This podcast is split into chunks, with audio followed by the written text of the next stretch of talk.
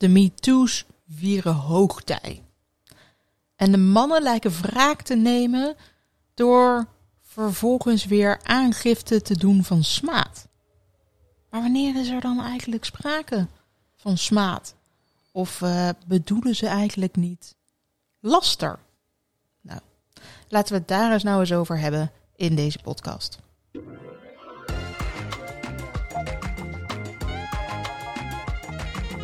Je luistert naar Potje Oploskoffie, de podcast van Charlotte Meijersma met tips, ondernemersverhalen en juridische oplossingen. Veel luisterplezier. Een paar weken geleden kwam in het nieuws dat een meisje aangifte deed van, uh, nou ja, seksueel overschrijdend gedrag tegen Marco Borsato. Wat de exacte aangifte is, uh, dat is allemaal nog niet duidelijk. In elk geval zal dit, uh, zou dit een aantal jaren geleden allemaal hebben plaatsgevonden. Maar uh, is het nu via via een soort van aan het licht gekomen. Marco Borsato ontkent verder alles. Maar nou, dat die aangifte er is, dat is in elk geval wel duidelijk. Maar kwam vervolgens ook naar buiten. Marco Borsato die zegt vervolgens aangifte te gaan doen wegens smaad. Want uh, zijn eer en goede naam wordt hiermee aangetast. Nou, nou is dat natuurlijk op zich wel een bekend gegeven binnen de hele MeToo, uh, het hele MeToo gebeuren en cancel culture. Dat er natuurlijk dingen over iemand gezegd worden en dat daar inderdaad je reputatie mee aangetast wordt. En dat dat ook al het geval is totdat we echt weten wat er aan de hand is. En weten hoe ver het allemaal is gegaan, of het wel is gebeurd, et cetera, et cetera. En nu klinkt het misschien net alsof ik niet aan de kant van de slachtoffers ga, maar, eh, sta, maar ik ben nou eenmaal jurist, dus het is ook een soort van onschuldig tot het tegendeel bewezen is.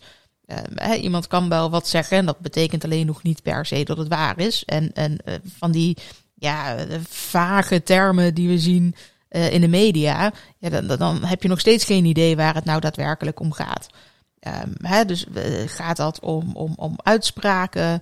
Uh, gaat het om uh, bepaalde aanrakingen die er gebeurd zijn? Hoe ver gingen die dan? Uh, we weten het allemaal gewoon nog niet. Maar door daarover te speculeren en ja, dat verder naar buiten te brengen, ja, dan kan er natuurlijk zeker wel sprake zijn van een aantasting van, van eer en goede naam. Um, ook omdat het op deze manier natuurlijk misschien wel groter of erger zou kunnen worden. Um, hè, wat, wat die aantijgingen betreft dan het misschien in werkelijkheid was. We weten het nu gewoon nog niet. Maar goed, dit uh, was een paar weken geleden over Marco Borsato. En wat gebeurt er deze week? Uh, Boos kondigt aan dat er een uitzending komt aanstaande donderdag over seksueel overschrijdend gedrag bij The Voice. En dat dat kennelijk ook al wel een tijdje aan de gang is. Dus Anouk heeft al gezegd, ja luister uh, jongens, als, als dit is wat er aan de hand is, dan kap ik ermee. Dan ben ik geen coach meer hier, want dit werd dus allemaal onder de pet gehouden. Um, dat kan niet. Um, ik geloof dat Chantal Jansen zegt, ja luister, ik wist dit allemaal ook niet. Maar het moet dan in elk geval nu allemaal op tafel. Want er zijn dus ook allerlei mensen die hier absoluut geen weet van hadden. Die hier nu ook schade doorlijden door die, door die mensen die dit gedrag vertoond hebben. Uh, dus laten we dit alsjeblieft tot op de bodem uitzoeken. En omdat dit allemaal ter sprake kwam, heeft Albert Verlinde weer uh, ergens op televisie gezegd dat ook Humberto Tan zich niet helemaal netjes gedragen zou hebben naar een aantal tafelgasten van hem toe door bepaalde soorten sms'jes met kennelijk seksueel getinte inhoud te versturen.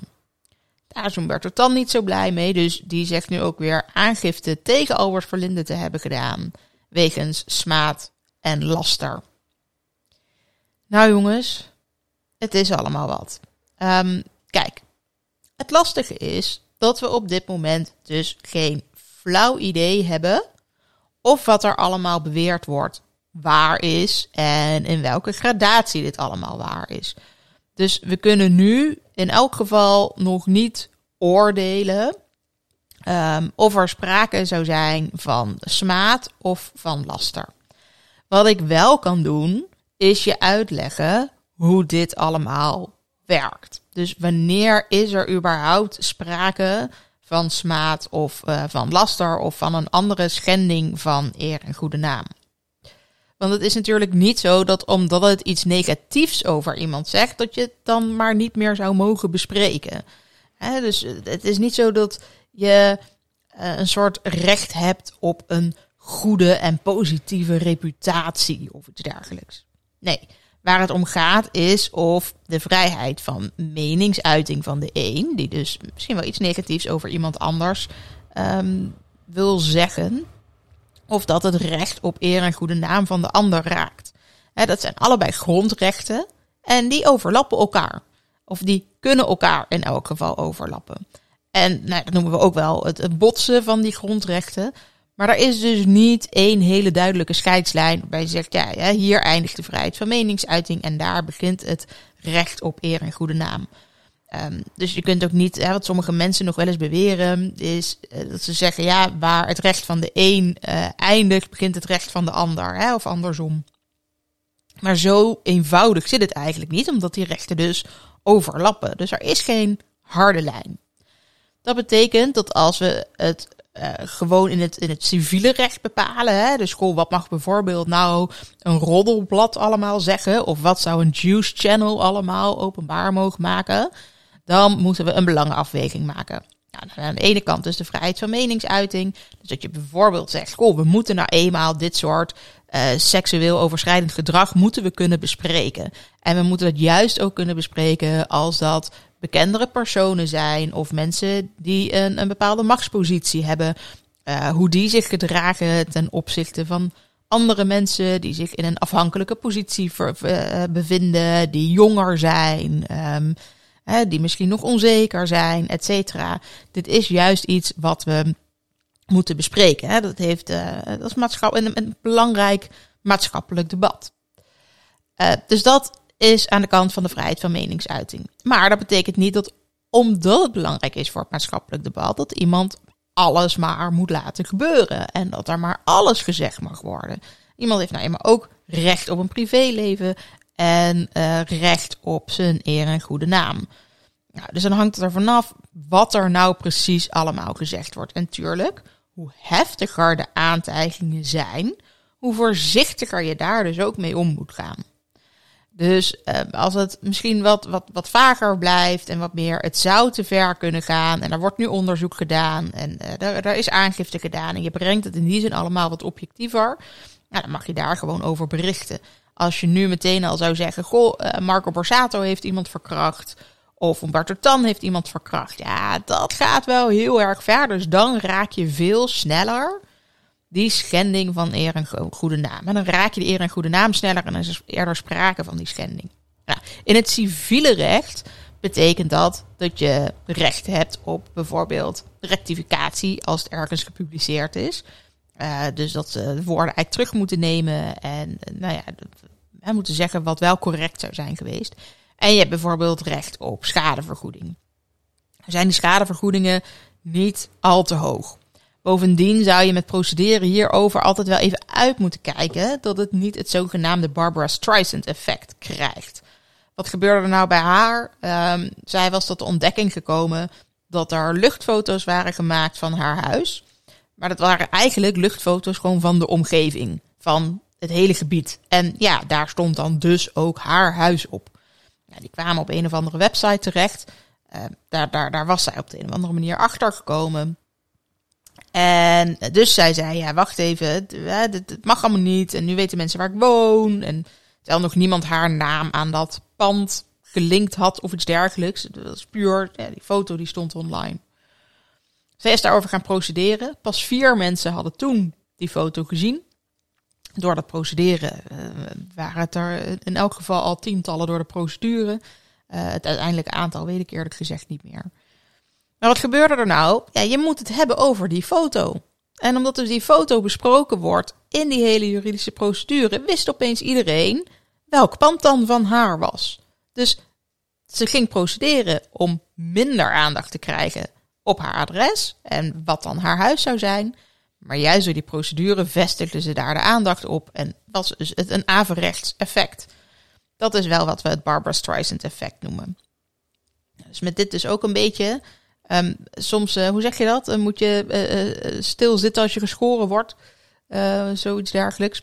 Um, dat, dat is nu misschien ook wel. Hè? Dus als je dat soort aantijgingen over je heen krijgt, is het soms misschien wel beter om stil te zitten en niks te doen.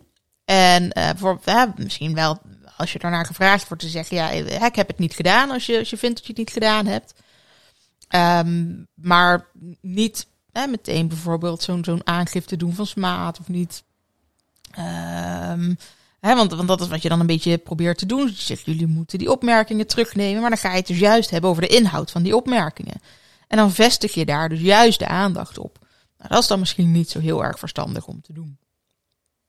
Maar goed, schending van eer en goede naam kan dus best lastig zijn. Um, dan krijgen we nog het strafrechtelijke aspect. Dat is nog één gradatie erger. Dat is wanneer het smaad of laster kan worden. Nou, smaad is uh, de opzettelijke aantasting van iemands eer en goede naam. Dus niet per ongeluk, niet omdat je nou eenmaal wat bespreekt, maar dat je dat echt als doel hebt, zeg maar. Hè? Je opzettelijk iemands eer en goede naam aantasten. En dat doe je door uh, middel van een uh, te lastenlegging van een feit, zoals dat dan zo mooi in de wet staat. Dus omdat je dat met feiten onderbouwt, omdat je feiten noemt waarmee je dus iemands eer en goede naam aantast. En uh, dat je dat vervolgens ook nog eens doet, dat dat verder wil verspreiden om een rugbaarheid aan te geven. Dus je echt wil publiceren. Dus nou ja, zeker als het natuurlijk gaat om uh, landelijke kranten en televisie en je daar een grote groep mee bereikt, nou ja, dan zit het met die rugbaarheid wel goed, zou je kunnen zeggen. Voor zover je het natuurlijk goed kunt noemen. Belangrijk is dus echt, ik zeg, het moet gaan over, over iets dat waar is.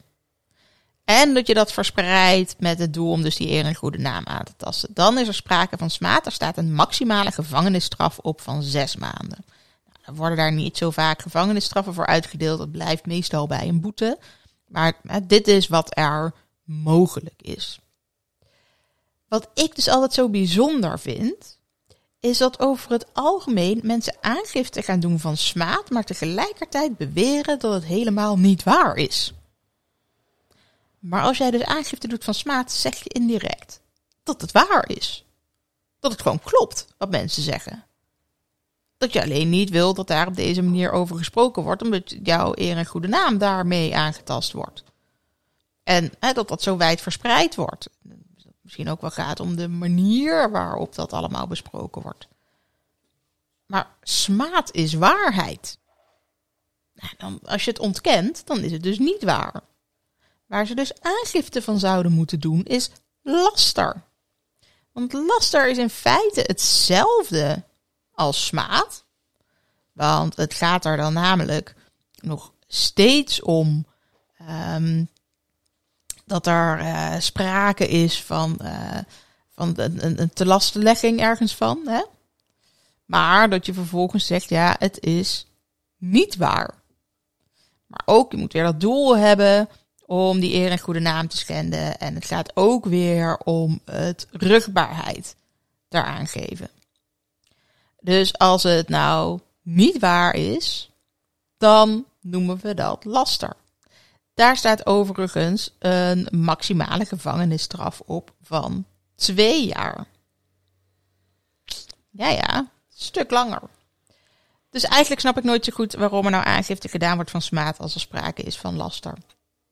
Overigens uh, uh, zijn dit wel zaken die niet zo heel snel opgepakt worden door de politie. Of die denk ik ook wel eens in de tussentijd alsnog geschikt worden. Um, dus heel erg veel uitspraken hierover zijn er niet. Uh, ook wordt er nog wel eens voor vervolgd en dat het, dat het niet gehaald wordt. Het is inmiddels trouwens vijf jaar geleden. Um, zag ik toevallig, omdat ik de, voor Instagram een foto ging opzoeken van hoe ik er zelf uitzag vijf jaar geleden. Toen dacht ik, nou laat ik dat ook ongeveer rond dezelfde periode doen. En toen kwam ik ook nog een screenshot tegen uh, over publicaties destijds over Patricia Pai. Die, daar was zo'n plasseks video van uitgelekt. Uh, en was in elk geval op Twitter gegooid. En zo kwam natuurlijk ook op Geen Stijl terecht. En op allerlei andere media.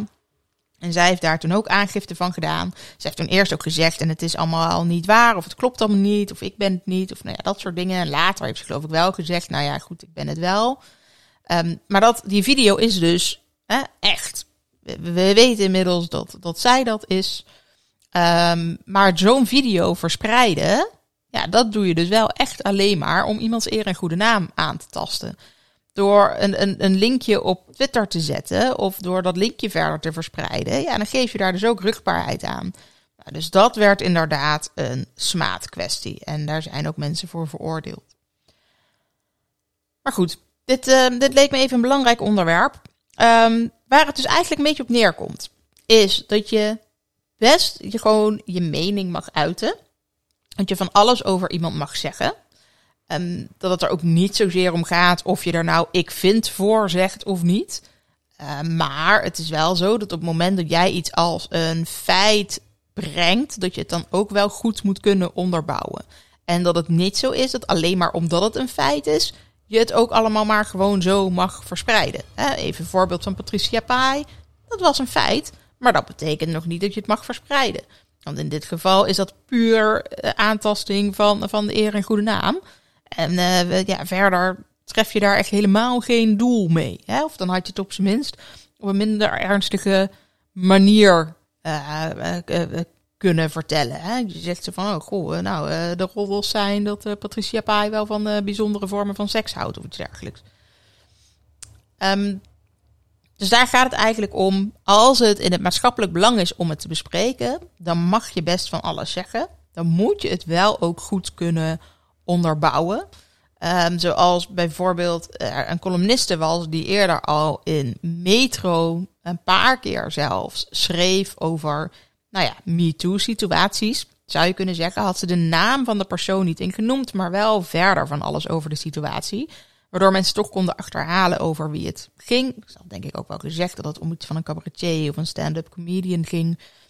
Um, en een bepaalde avond um, had ze beschreven. Dus daardoor was het kennelijk allemaal niet al te lastig meer om te achterhalen over wie het zou gaan. En uh, daar heeft ze ook wel allerlei beschuldigingen naar geuit. Maar ze heeft dat niet onderbouwd. Ze had ook geen aangifte gedaan, et cetera. Dus daarvan heeft de rechter een paar keer zelf zo van gezegd: luister, dit zijn beschuldigingen die je uit. Um, zonder dat je het verder kunt onderbouwen. Zonder ook dat je daar aangifte van hebt gedaan. Um, dus dit is puur de schending van eer en goede naam. Of niet puur, maar hè, hier weegt gewoon niet die vrijheid van meningsuiting op tegen dat recht op eer en goede naam. Had ze nou bijvoorbeeld wel aangifte gedaan en uh, was, was hier nou gewoon een strafrechtelijk onderzoek naar geweest, dan zou je kunnen zeggen, nou ja, dan, dan zit er misschien wat in. En dan zou je kunnen zeggen, nou, dit is wel iets wat we bespreekbaar moeten maken. Het onderwerp van seksueel overschrijdend gedrag moeten we natuurlijk gewoon kunnen bespreken. Waar het echter om gaat, is dat je daar niet zomaar iemand nogal lichtvaardig van mag beschuldigen. ook ja, iemand die we, die we nu als dader wegzetten, um, die heeft nou eenmaal ook rechten. en we, het kan best wel eens zijn dat we nu dingen erger maken dan, dan, dan ze werkelijk zijn. Um, je weet het niet. Nogmaals, we hebben de onschuldpresumptie in Nederland. Dus dat betekent iemand in principe onschuldig is totdat het tegendeel is bewezen. Nou, daar moet je gewoon rekening mee houden, ook bij je vrijheid van meningsuiting. Dus maak altijd die belangenafweging. Nou, op het moment dat je echt dingen naar buiten probeert te brengen met het doel om iemands eer en goede naam aan te tasten, zodat je dat echt met opzet doet. Maar het is in principe wel waar wat je vertelt. Hè? Dus even ongeacht of je daar al aangifte van hebt gedaan of niet. Um, dan zou dat dus alsnog wel smaad kunnen opleveren. En is het onwaar, dan is het laster. Dus betekent echt niet dat je niks meer mag zeggen. Maar het enige feit dat, uh, of de enige argument, zeg maar, dat omdat, omdat iets nou eenmaal waar is, uh, dat het nou eenmaal feiten zijn, betekent nog niet dat je alles mag zeggen. Dus let een beetje op waar je het zegt, hoe je het zegt, hoe goed je het kunt onderbouwen, hoe nodig het is om het op deze manier naar buiten te brengen. Um, maar natuurlijk speelt ook wel mee hoe belangrijk het is. Hè? Dus hoe belangrijk het is voor het maatschappelijk debat. Want hoe belangrijker het daarvoor is, hoe meer je ook weer mag zeggen. Hoe persoonlijker het is en hoe minder belangrijk voor het maatschappelijk debat hoe minder je mag zeggen. Nou, um, ik ben heel benieuwd hoe jij over dit onderwerp denkt. Um, want ik merk heel erg dat uh, als het inderdaad gaat over seksueel overschrijdend gedrag en in het kader van MeToo, dat het wel eens lijkt alsof we vinden dat we alles mogen zeggen over mogelijke daders, omdat het anders ehm, victim blaming of victim shaming kan worden.